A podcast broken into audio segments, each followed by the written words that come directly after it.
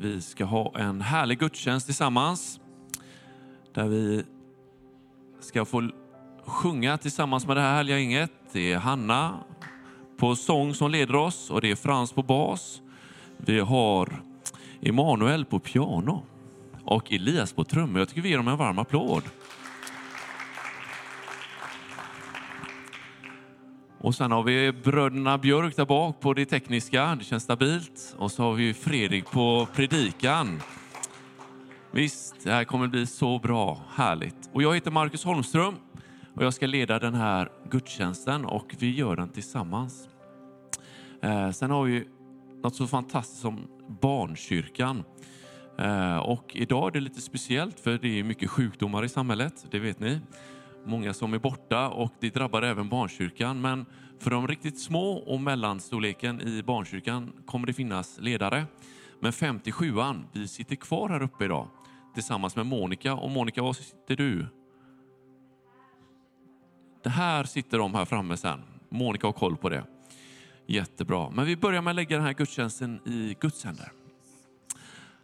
Herre, vi välkomnar dig Gud, Herre, att vara mitt ibland oss. Tack för att du är en personlig Gud och du ser till var och en som har kommit hit idag. Tack för att du vill möta var och en, Herre. Du ser vad vi bär på, vad vi längtar efter och tack för att du vill ge oss det idag, Herre. Så Gud, vi öppnar upp våra hjärtan för dig och vi längtar efter mer av dig, Gud, Herre. Och vi ber speciellt för de som kanske inte har möjlighet att komma hit idag, att du också möter dem, Herre, där de är i denna stund, Herre. Men nu välkomnar vi dig. Amen.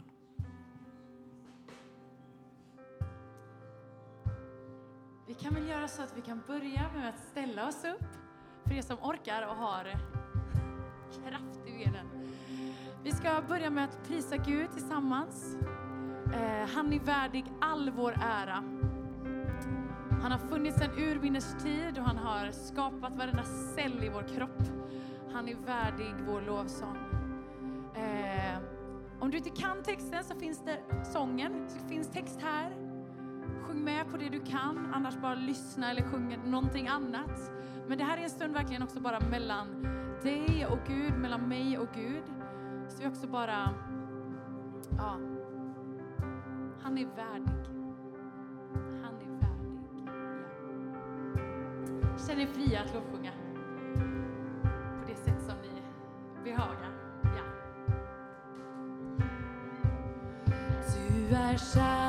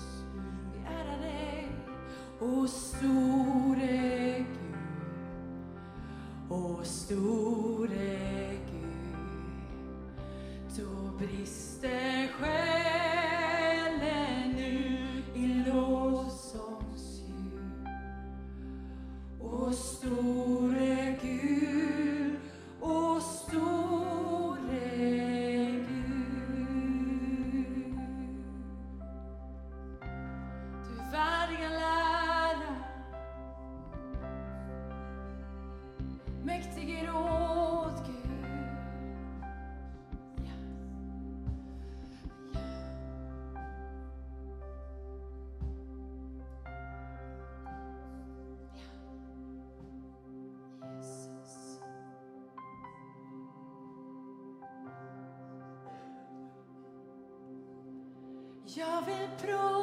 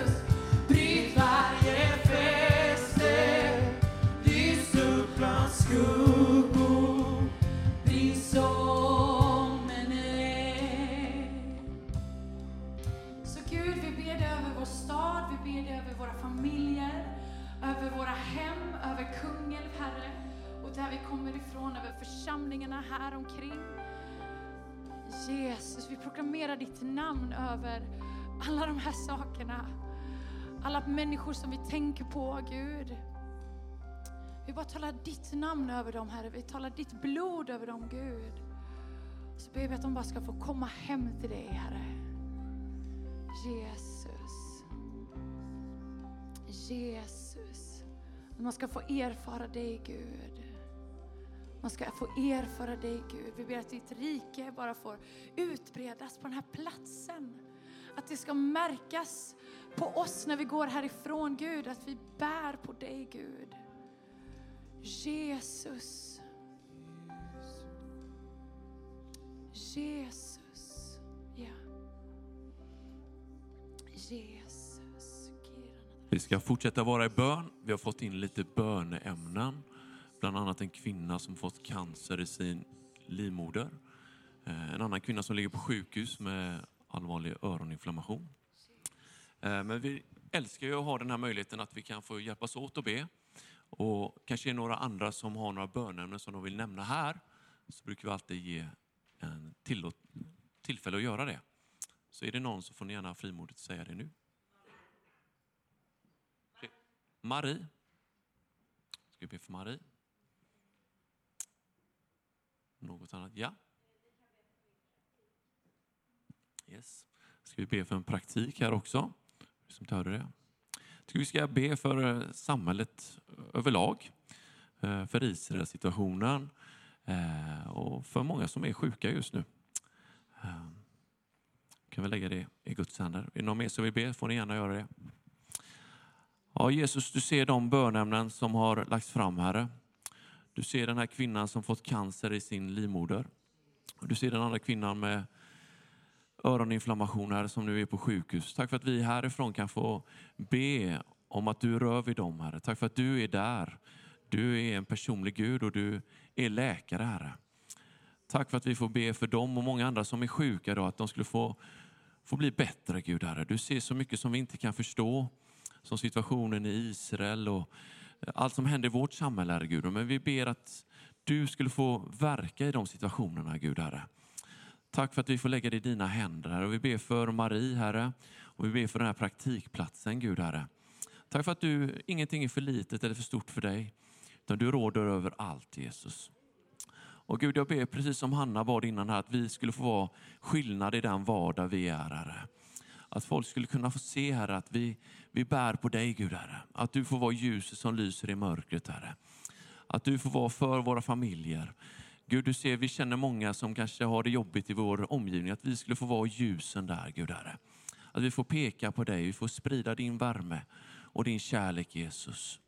Vi ber om det, Herre. Tack för att vi får längta efter mer av dig i våra liv och att du får vara verksam genom våra liv, Herre. Tack för det, Herre. Jesus, Jesus.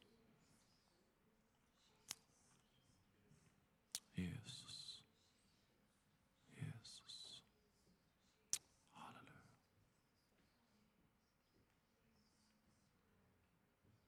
Jesus.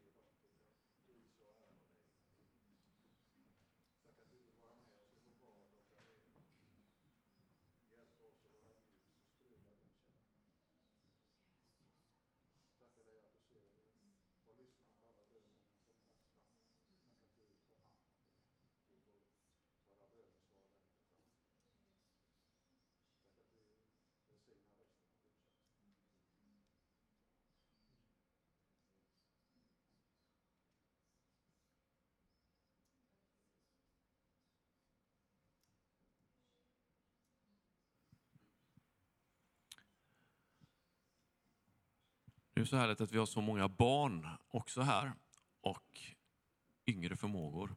Eh, vi har någonting som heter Barnkyrkan och de ska få nu bara rusa ner och ha det gött med ledarna där nere. 57 ni som har kommit in lite sent. Det finns ingen ledare idag, men ni sitter här framme med Monica. Eh, så välkomna fram ni som vill vara där. Eh, det kommer... Där kommer den, gingen och så applåderar vi ner dem.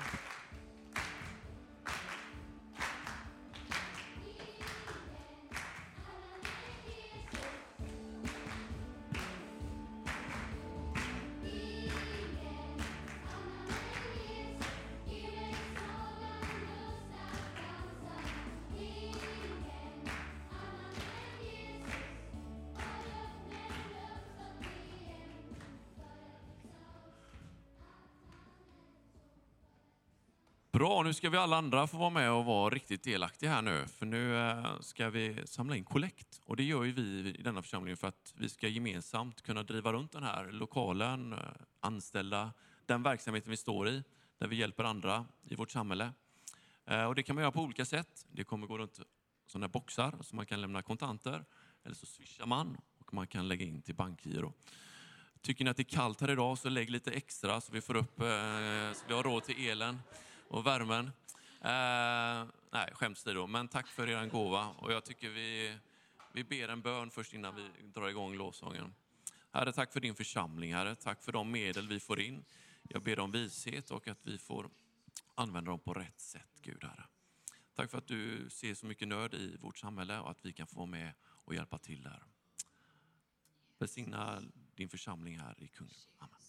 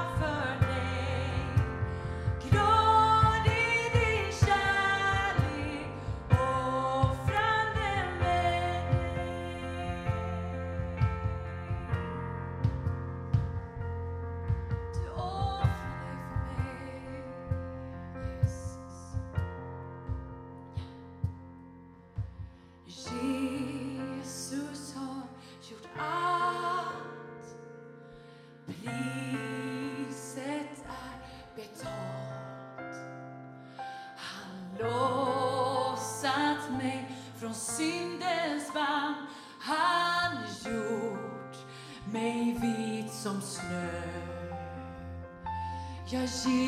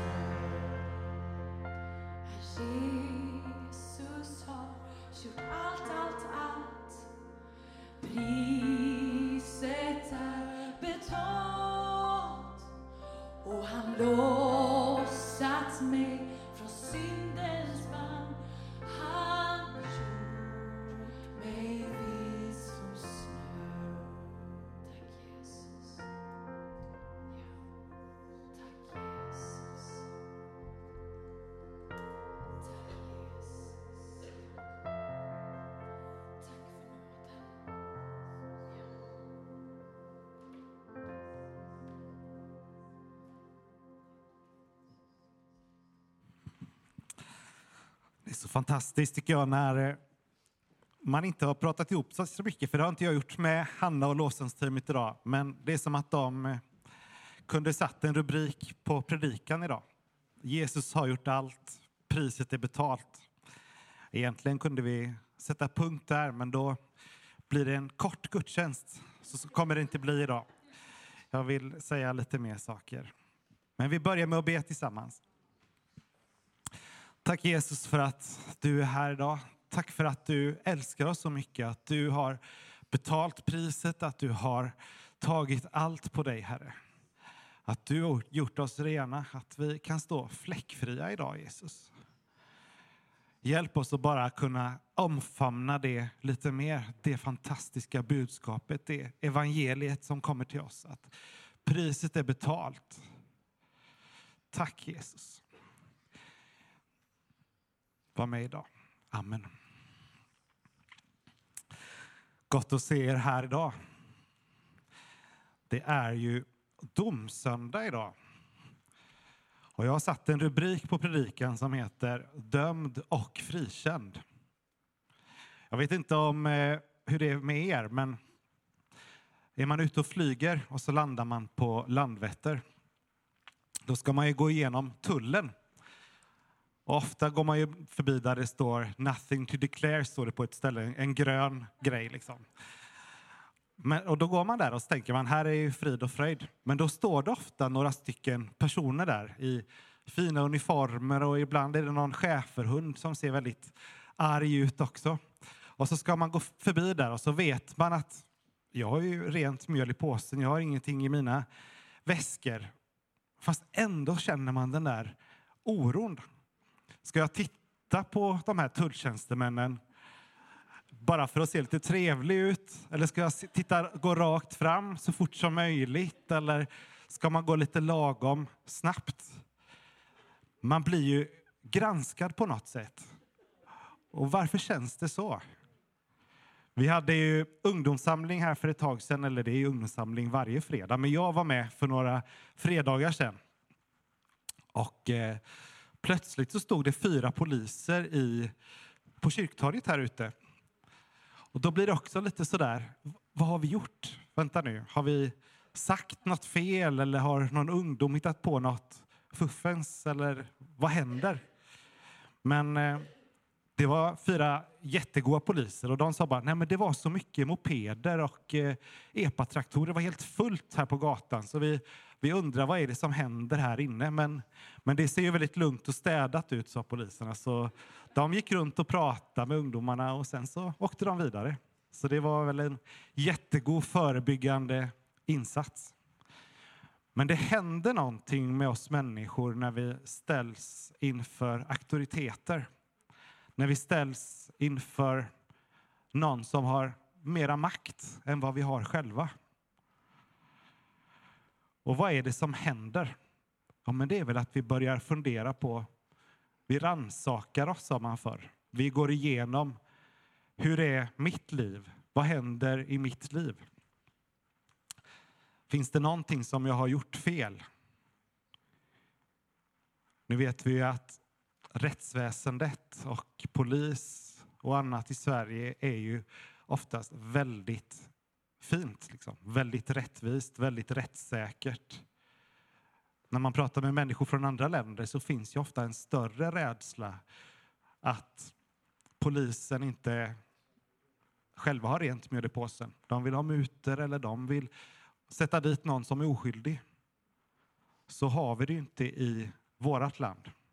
Utan vi kan lita på att kommer polisen och vi inte har gjort något så känner vi oss trygga med det. I alla fall gör jag det. Jag vet inte hur det är med dig. Men det finns ändå en liten sån där känsla och jag vill bara att du ska stanna lite i den idag. För det är precis som sången vi sjöng här i början att Jesus har gjort allt. Priset är betalt. Hade inte Jesus betalt priset så har vi ju inte en särskilt eh, fläckfri ryggsäck med oss när vi är ute och flyger. Då finns det ett och annat i den som vi kunde åka dit på. Men Jesus har ju redan gjort allt. Finns det någon här som har läst en bok någon gång och som har börjat bakifrån för att se hur det slutar?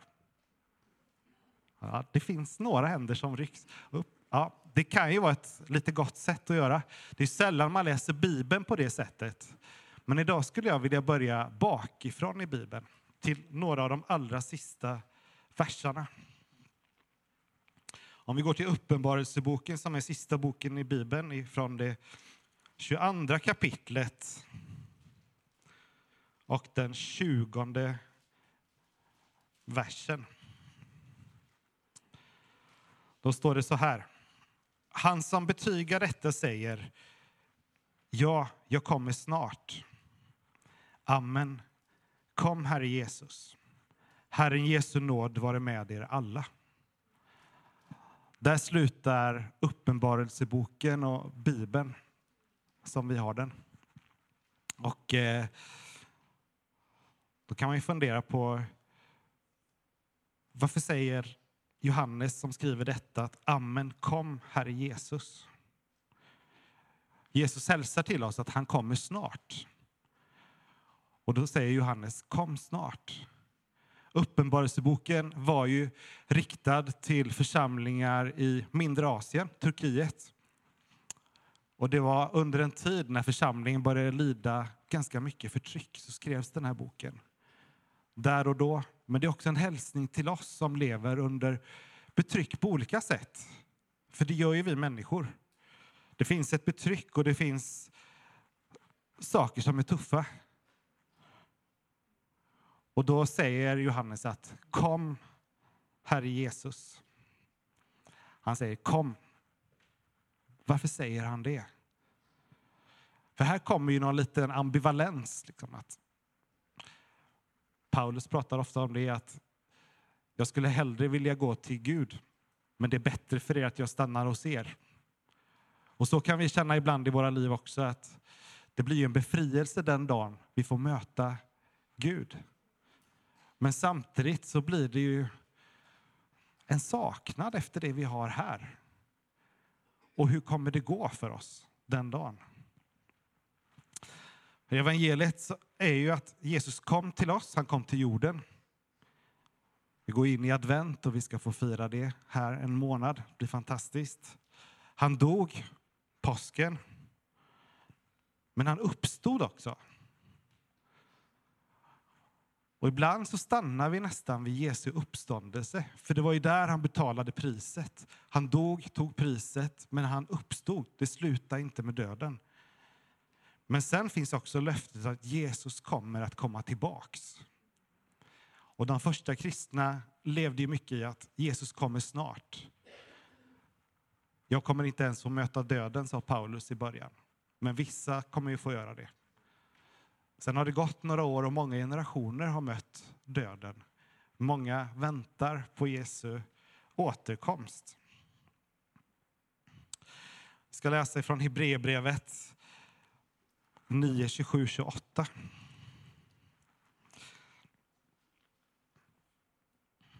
Hebreerbrevet 9 och 27. Och liksom människan måste dö en gång och sedan dömas så blev Kristus offrad en gång för att bära många synder. Och han ska träda fram en andra gång, inte för att bära synd, utan för att frälsa dem som väntar på honom. Liksom människan måste dö och sedan dömas. Det här är ju inte det mjuka budskapet. Jag har brottats en del med den här predikan, det ska jag ärligt säga. Men jag tänker att att tro på Bibeln är att dela hela Bibelns budskap. Så jag tror att det är väldigt viktigt. Och om vi inte heller, vad ska jag säga, om det inte finns en dom, om det inte finns en evighet, så blir evangeliet urvattnat. Varför ska vi tro? Vi tror ju inte bara för att vi har en god gemenskap. Det är en jätteviktig del av att vara församling, det är gemenskapen. Men vi tror ju också för att vi behöver leva med Jesus, vi behöver säga ja till honom och tro på honom för det eviga livet. Men så står det här, vi ska dömas. Och Jesus blev offrad för att bära många synder. Det hade varit fantastiskt om det stod alla synder, men det står många synder. De synderna som vi som tror på honom har. Men det står också att han ska träda fram en andra, en andra gång. Och då är det inte för att ta våra synder han kommer tillbaks. Utan då är det för att han ska frälsa eller rädda alla de som väntar på honom. Så det finns någonting med att vänta. Vänta är ju inte så populärt i våran tid. Vi vill gärna ha lite snabba lösningar och ser vi inte snabba resultat så tröttnar vi ganska lätt. I alla fall kan jag vara sån. Men det finns någonting i tron att ha en uthållighet, att vänta. Jesus talar själv om det i Matteus. Nu blir det många bibelord, jag brukar hålla mig till några få, men idag tror jag det blir fem bibelställen, så ni får hålla tungan rätt i mun där. Men Matteus 25 så har Jesus en liknelse. Och den handlar om liknelsen om de tio jungfrurna eller brudtärnorna. Och jag läser hela det stället där. Då ska himmelriket bli som när tio jungfrur tog sina lampor och gick ut för att möta brudgummen. Fem av dem var oförståndiga och fem var kloka. De oförståndiga tog sina lampor, men tog inte med sig någon olja, medan de kloka tog olja i kärlen tillsammans med sina lampor. När brudgummen dröjde blev de alla dåsiga och somnade. Vid midnatt hördes ett rop. Brudgummen är här, gå ut och möt honom. Då vaknade alla jungfrurna och gjorde i ordning sina lampor. De oförståndiga sa till de kloka, ge oss av er olja, våra lampor slocknar. De kloka svarade, den skulle inte räcka både till oss och till er. Gå istället till dem som säljer och köp. Men när de, när de hade gått iväg för att köpa kom brudgummen. Och de som var redo gick med honom in till bröllopsfesten, och dörren stängdes. Till slut kom de andra jungfrurna tillbaka och sade, Herre, Herre, öppna för oss. Men han svarade, jag säger er sanningen, jag känner er inte. Håll er därför vakna, för ni vet inte vilken dag eller vilken timme han kommer. Jag har pratat med några vänner i veckan om den här texten. Bland annat hade vi den på bönen i tisdags. Och då pratade jag lite med Elge faktiskt efteråt och det var gott. Och han sa, det om det är någon gammal story, nu får du rätta mig om jag säger fel Elge, men att det finns ju ändå någon berättelse. Tänk om det är så liksom när man står i den sista, när Jesus kommer tillbaks, när domen kommer.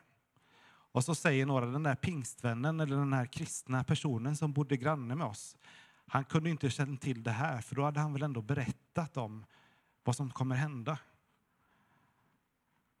Och det är en liten utmaning till oss. För det här är ju inte någonting som är populärt i våran postmodernistiska tid att säga att det finns en väg, det finns en tro som leder till ett evigt liv. Och det finns mycket annat som inte gör det. I våran tid vill man ju gärna lyfta fram att allt funkar, allt går bra. Men jag ser det inte i Bibeln. Jag ser att Gud är nådefull. Men jag ser också att för att vara säker på att man inte blir stoppad av den där tulltjänstemannen eller personen så finns det bara en tro. Och vi kommer komma in i det snart. Men jag tänker också på det här med brudtärnorna. Det är ju en svår text. Det var tio personer som hade gjort sig beredda för fest. Det här var ju människor som var redo att möta brudgummen. Om vi nu tänker bilden av, av Gud. Fem hade varit förståndiga, stod det inte. Det stod inte att fem var onda. Eller fem, det stod att fem, fem var inte oförståndiga, utan, eller fem var oförståndiga, de var inte onda, utan de har varit oförståndiga och inte tagit med sig extra olja. Det är hårt. Man tänker att Jesus kommer snart. Vi skyndar oss iväg, vi fixar till oss och sen så väntar vi och så kommer han. Men han dröjer. Och varför dröjer han? Varför tar det tid? Och så slocknar oljan. Kanske för allihop där. Men hälften hade med sig olja så det räckte, men det räckte bara till dem själva, men inte till hela gänget. Här är det också svårt att tänka, kunde de inte delat med sig ändå? Det kanske hade räckt.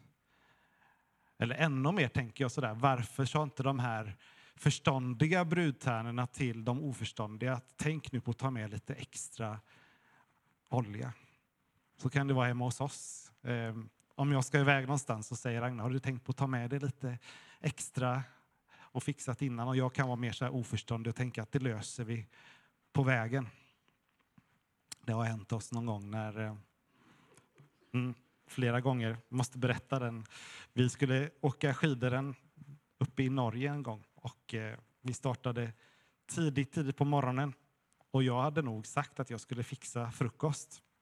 Men eh, ja, vi skulle vara direkt i backen i alla fall, så vi startade mitt i natten. Och sen när barnen började vakna i bilen vid 6-7 så var det ju söndag i Norge och då var ju allt stängt. Så då blev jag sådär, vad gör vi nu? Det fanns ju inga affärer, jag hade ingen matsäck. Hade det varit Ragnar hade vi haft en perfekt matlåda med oss. Men maten var, ja, det fanns inte. Det slutade med att vi fick, eh, ja, halva reskassan gick på McDonalds kan jag säga i, i Norge. Det var inte så jättebilligt att äta frukost där, men alla blev mätta. Så det var ju ett lyckligt slut.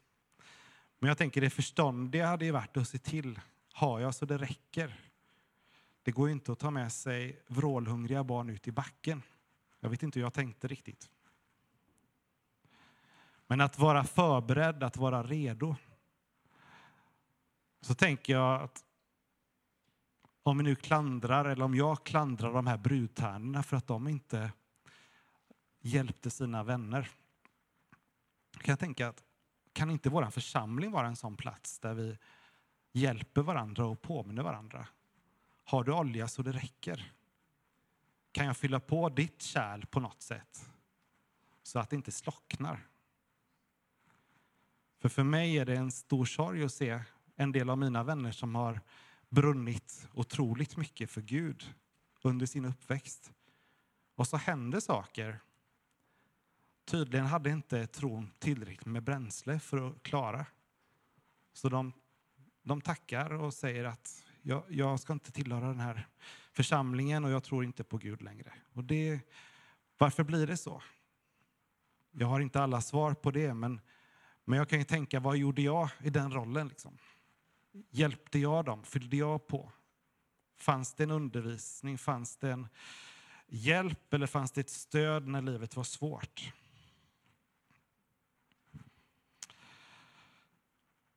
Gamla testamentet talar en hel del om Herrens dag. Nu ska jag snart vända den här predikan, men det kommer att vara en liten period till. Herrens dag. Det är något som finns i många profetier. Det talar om Jesu återkomst, men det talar också om hans andra återkomst. Att Jesus kommer komma tillbaks. Och Herrens dag är någonting som talades om med fruktan eller rädsla, men också med längtan. Man längtade efter befrielsen, men man var orolig för vad den skulle innebära. För man visste att Gud var så stor. Så om vi läser från Joels bok, Joel i Gamla Testamentet, Joel 2 och 11. Så står det Herren låter sin röst höras framför sin här. Mycket stor är hans armé, stark är den som utför hans order. För Herrens dag är stor och mycket skrämmande. Vem kan uthärda den? Men nu säger Herren, vänd om till mig av hela ert hjärta med fasta gråt och klagan. Riv sönder era hjärtan, inte era kläder och vänd om till Herren, er Gud. För han är nådig och barmhärtig, sen till vrede och stor i nåd. Och han ångrade, god, han ångrade onda. Riv sönder era hjärtan, inte era kläder. I Gamla testamentets tid var det ju mycket de här ritualerna man skulle visa på ytan att man tillhörde Gud, att man omvände sig. Så man förställde sitt utseende och gjorde så man skulle se ja, allmänt deppig ut helt enkelt. Men så profeterar Joel att gör inte det ytliga. Gör det som är på insidan. Riv sönder era hjärtan. Alltså att låta hjärtat förändras. Att hjärtat får bli mjukt.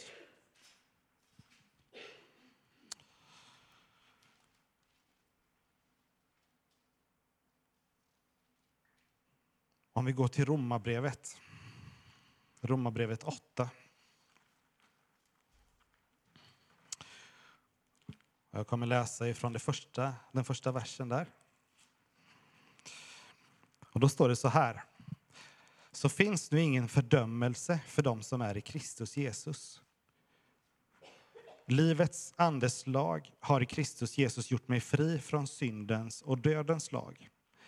Det som var omöjligt för lagen, svag som den var genom den kötsliga naturen, gjorde Gud genom att sända sin egen son som syndoffer till det yttre lik en syndig människa. I hans kropp fördömde Gud synden.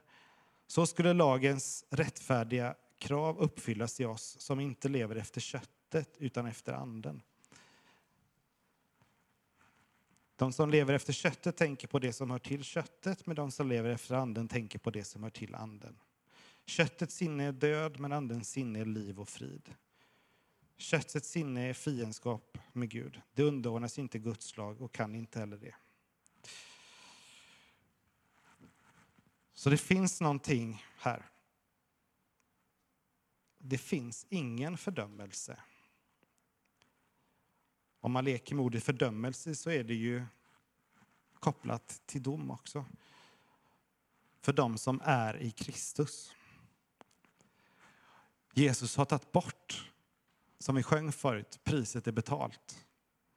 Det finns ingen anledning att vara rädd. Du har fått en gåva. Jag vet inte, kriminella hör man ibland, de skaffar sig så här stjärnadvokater och då har de en bra chans att slippa undan. Liksom. Men eh, här vet vi att vi behöver inte ens ha en stjärnadvokat, för det är borta. Liksom. Någon har gått in och raderat i polisregistret. Det som du var skyldig till finns inte längre kvar. Men det bygger på någonting. Det bygger ju på tron. Att vi tror på Gud. Romarbrevet säger också att den som tror med hjärtat och bekänner med munnen, den är räddad, den är frälst. Så det är lätt, men det är svårt. Jag ska inte säga att tron är enkel. Den kostar inget, men den kostar allt. Men har du tron, har du Jesus i ditt hjärta, att du har bekänt honom, tagit emot honom, så kommer du dömas, men du kommer att dömas frikänd. Och smaka på det också, inte bara på den här känslan att gå igenom tullen och känna att man kanske har gjort något fel. Utan smaka på den känslan när man tror att man kanske ska åka dit på något. Och så säger någon att du, du är fri. Du slipper det här. Tänker man, vad hände? Jag har gjort det här och det här och det här. Nej, men du kommer inte lastas för det. Tror du på Jesus, har lagt det till honom, så kommer du att dömas fri. Att vara frikänd måste vara bland det mest fantastiska man kan bli. Särskilt om man egentligen är skyldig. För det står i Bibeln att vi alla har syndat. Den enda som har varit syndfri som en människa är Jesus. Vi har inte klarat det någon av oss. Så egentligen stod vi under den ofullkomliga lagen som vi läste om förut. Men vi är fria. Johannes 5 och 24.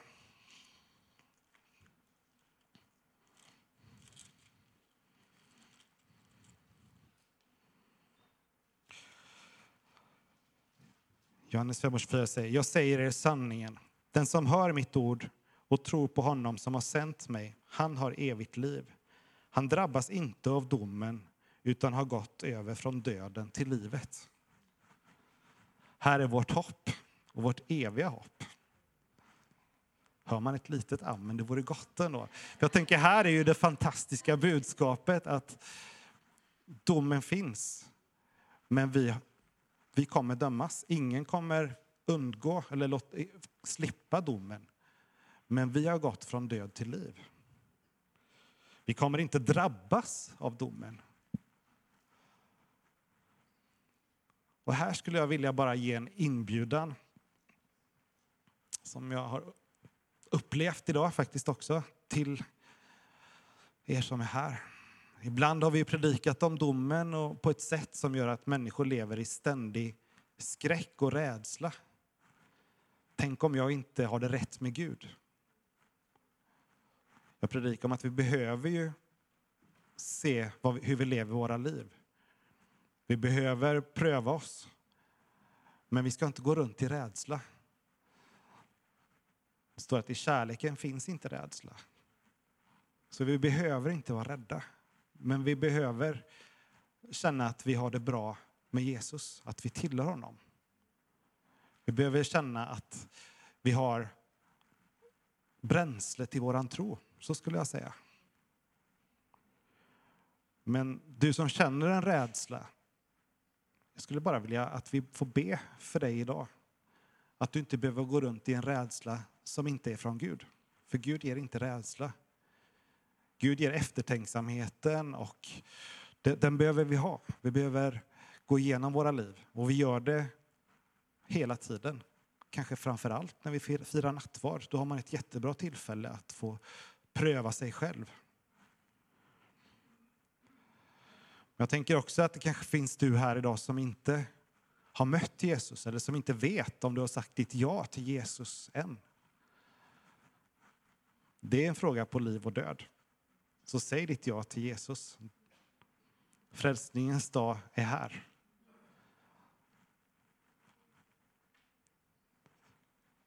Om du med munnen bekänner och hjärtat tror så är du räddad. Jag tänker också att du som känner en osäkerhet, som inte vet och som inte har frågat dig på ett tag, hur har jag det med Gud? När vi ber så tänker jag att det finns också ett, ett tillfälle att fråga dig själv. Hur är min relation till Gud? Det angår dig och Gud, men det finns också hjälp att få. Vi är fler som kan dela den kampen.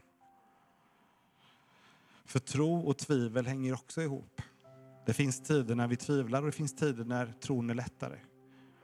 Vi kan få dela det med varandra. Men det viktigaste att komma ihåg det är att priset är redan betalt. Du är redan friköpt och du kommer att dömas fri. Att bara få leva i det. Att se fram emot det. Att en dag kommer allt ställas till rätta.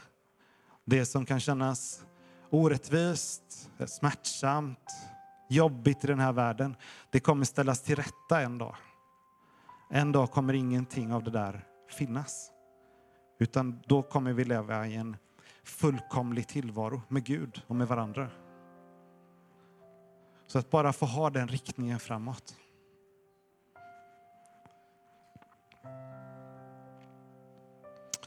Vi ber tillsammans. Tack Jesus för att du har köpt oss fria. Du har gjort allt för oss. Även om vi inte ens kan greppa en liten del av hur stort det är så tackar jag dig för att du har bara dött för oss. Du har betalt allt som jag har gjort fel, allt som varje människa har gjort fel. Att vi bara får omfamna det, att vi får komma till dig i tro, Herre. Hjälp oss att löpa loppet färdigt. Hjälp oss att hålla tron vid liv.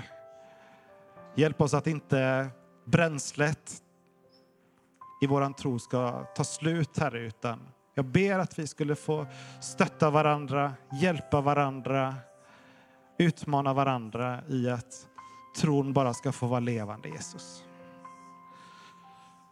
Jag ber också för de människor som finns runt omkring oss som kanske inte längre är här eller inte längre skulle kalla sig för kristna, Herre. Jag ber att du skulle bara möta dem just i den här stunden, Jesus. Du vet vilka vi har på våra hjärtan och jag ber att du bara skulle röra vid dem just nu, Herre. Jesus, kom till dem, sök dem. Men gör oss också till budbärare från dig. Jag ber att du lägger människor på våra hjärtan just nu som vi får kontakta i kärlek, Jesus. Jesus. Bevara oss, beskydda oss.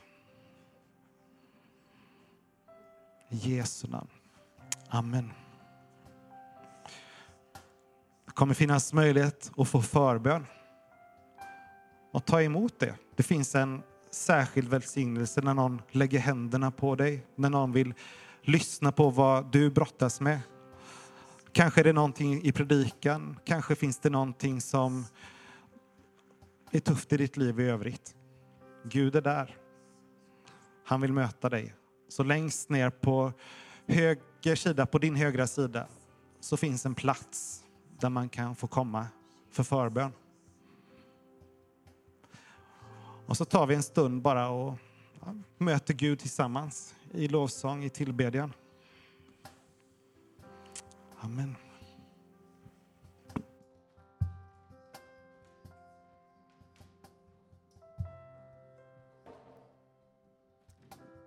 Och jag tänker det ibland att ibland så ser man förbön som en walk of shame eller åh, vad har den personen i sitt liv så. Men man kan också se det som att vi behöver alla förbön. Vi behöver alla mer av Gud. Och här får man möjlighet att också bara be med en annan person. Eh, så spring dit, blir det kö, ställ er i kö. Det är underbart. Vi kanske kan göra så att vi bara börjar med att ställa oss upp så att det är lätt att röra sig. Och så lovsjunger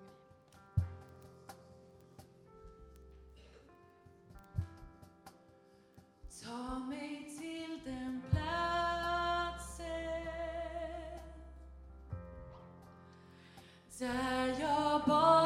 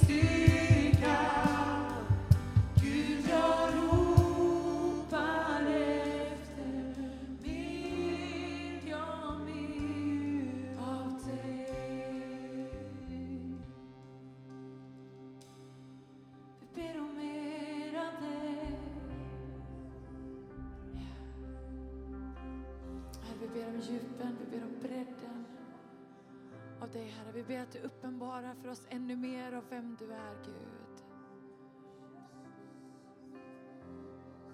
Herre. Jesus.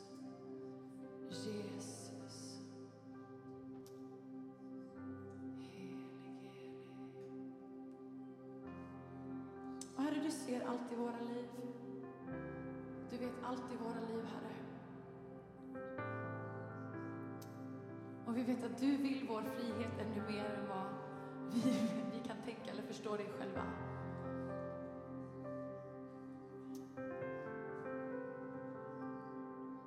Jesus.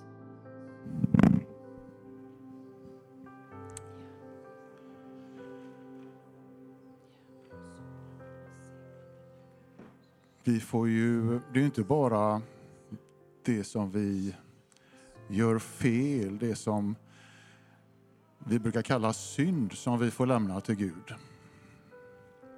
Jag vet inte hur du är, men jag kan vara ganska hård mot mig själv. att Om jag inte lyckas med saker och ting, om det inte blev riktigt som jag hade tänkt mig, så kan jag ha ganska svårt att förlåta mig själv. Det får vi också lämna till Gud. Vi behöver inte hålla det framför oss själva och tycka att vi är misslyckade eller att jag kan ingenting eller nu det blev ju så här den gången därför vågar jag inte göra någonting igen eller hur vi nu dömer oss själva. Utan vi får lämna det till Gud, förlåta oss själva. Så att vi kan komma vidare bli fria och göra det som Gud har tänkt att vi ska göra. Som du känner att det är någonting som gäller dig, något som du tänkte på direkt sådär, ge det till Gud. Be om hjälp och förlåta dig själv.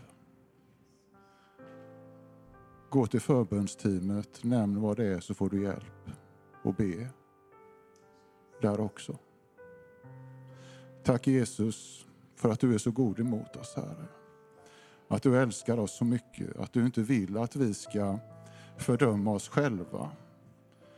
Utan vi får lämna allting till dig, Jesus. Att vi får lämna det som vi misslyckas med till dig. Så att vi kan få göra det som du har tänkt att vi ska göra, Jesus. Tack att du hjälper oss att komma vidare in i de uppgifter som du har tänkt för oss, var och en, Jesus. Du har gett oss de gåvor som vi har, de egenskaper som vi har som människor, Jesus. Visa oss hur vi kan använda dem i tjänst för dig, Jesus.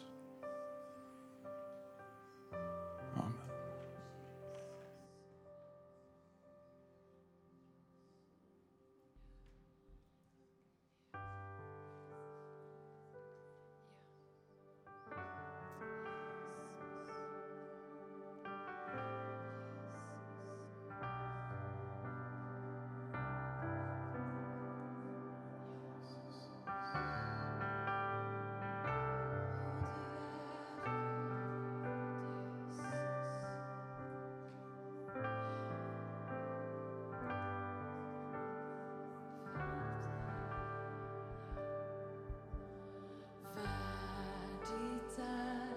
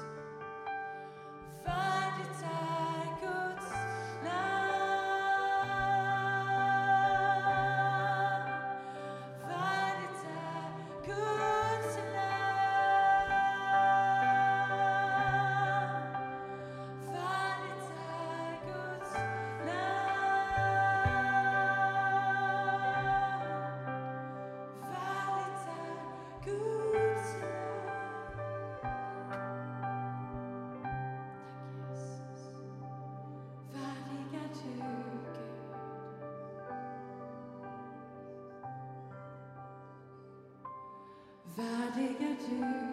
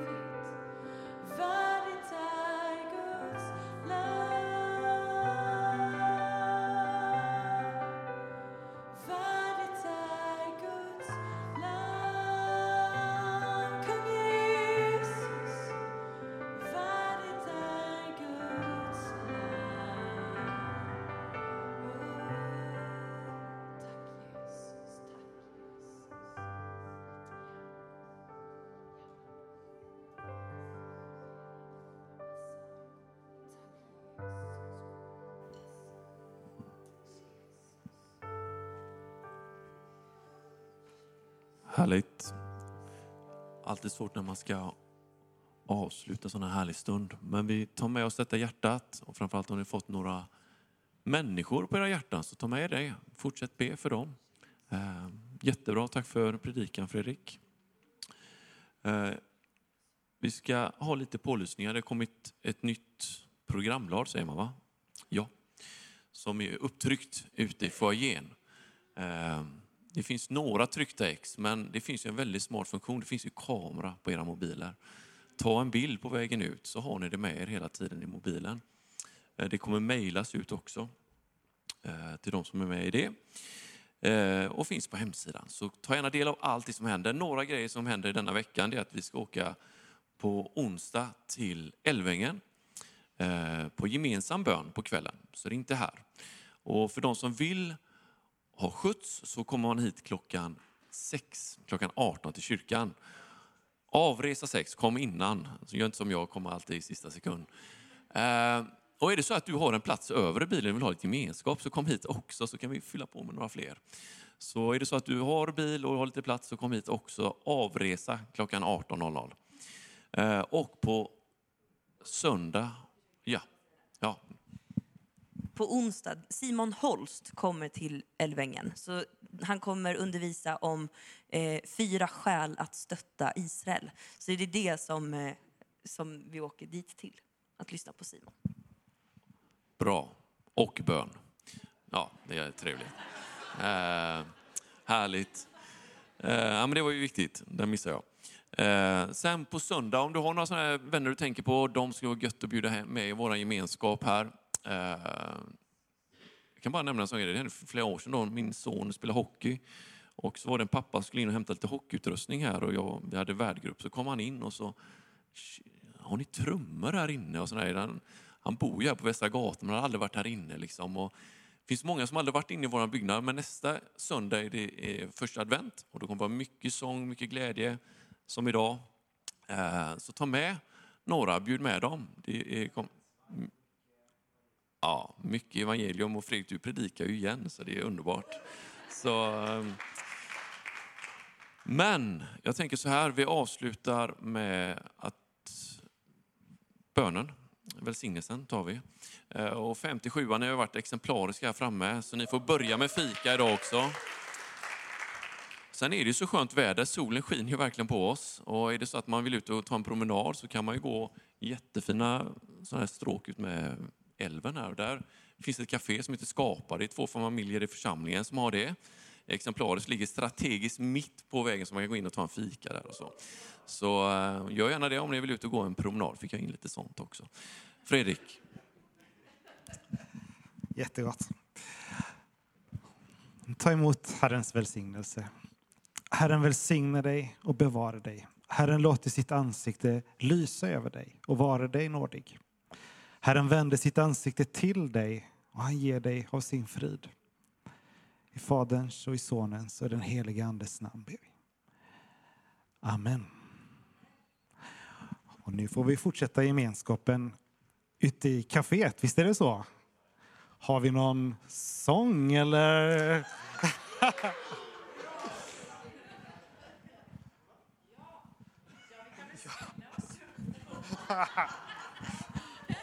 här är alltid lika spännande.